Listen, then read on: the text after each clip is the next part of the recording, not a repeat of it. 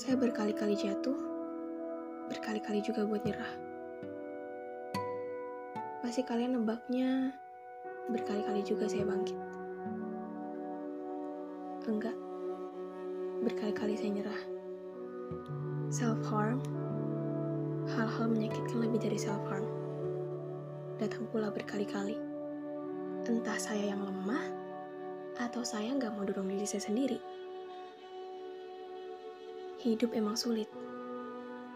Tapi saya nggak sekali dua kali membuat hidup jadi lebih sulit. Saya jadi lebih banyak melahirkan luka pada diri saya sendiri. Sumber paling besarnya, ya datang dari saya. Saya pikir orang lain bagi pisau tajam buat saya. Ternyata punya mereka nggak sering diasah. Beda sama punya saya, yang keseringan diasah, tapi untuk diri saya sendiri. Saya pikir setiap jatuh, setiap saya jatuh, nggak ada tangan yang mengeluarkan. Ternyata emang saya yang mau jatuh sedalam itu dan menolak banyaknya tangan untuk saya. Saya pikir semuanya selesai setelah saya mencoba menelan 12 pil obat dari laci saya semalam. Ternyata tidak saya hanya kewalahan bernapas setelahnya. Lalu besok paginya, saya masih diberi nafas. Saya kecewa. Seharusnya semalam ya malam terakhir saya. Tapi mau bagaimana lagi? Saya harus menjalani hari itu dan seterusnya. Saya pikir hidup saya hanya ada saya. Tidak ada orang lain. Tidak ada orang lain yang peduli akan saya, apalagi mencintai saya. Itu bagikan omong kosong bagi saya. Tapi lagi-lagi, itu argumen atau hanya delusi di kepala saya yang nggak ada habisnya. Saya nggak sendiri, hanya saja saya ternyata dikurung sunyi.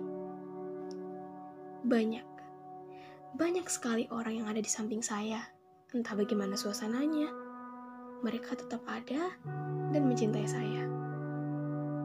Ya, itu saya entah beberapa tahun yang lalu. Sekarang, ada banyak hal kecil yang menjadi alasan saya untuk terus bernapas dan hidup.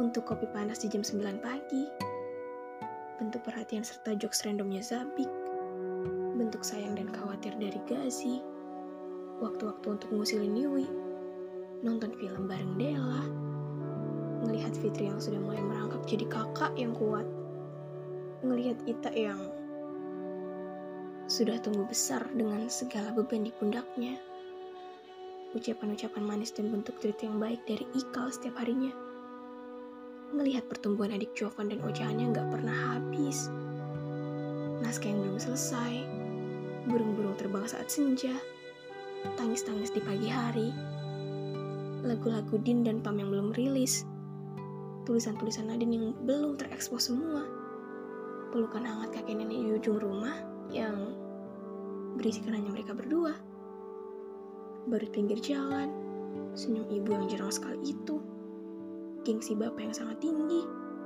telur setengah matang, hujan di malam hari, menetap di tengah hutan, krim sup buatan sendiri. Kaki-kaki yang melompat ke sana kemari ketika mendengarkan lagu-lagu dari Elvis. Mengelus dada dan bernafas lega di ujung hari dengan dali, saya mencintai diri saya sendiri. Juga mas-mas ojek online atau mas-mas menghantar paket yang masih terus mencari secerca harapan dari pagi hingga pagi lagi. Dan masih banyak hal-hal besar yang saya terbangkan lewat Amin.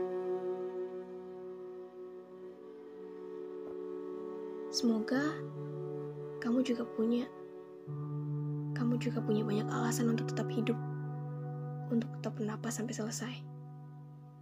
Saya bilang kepada kalian semua, jangan dulu, jangan berakhir.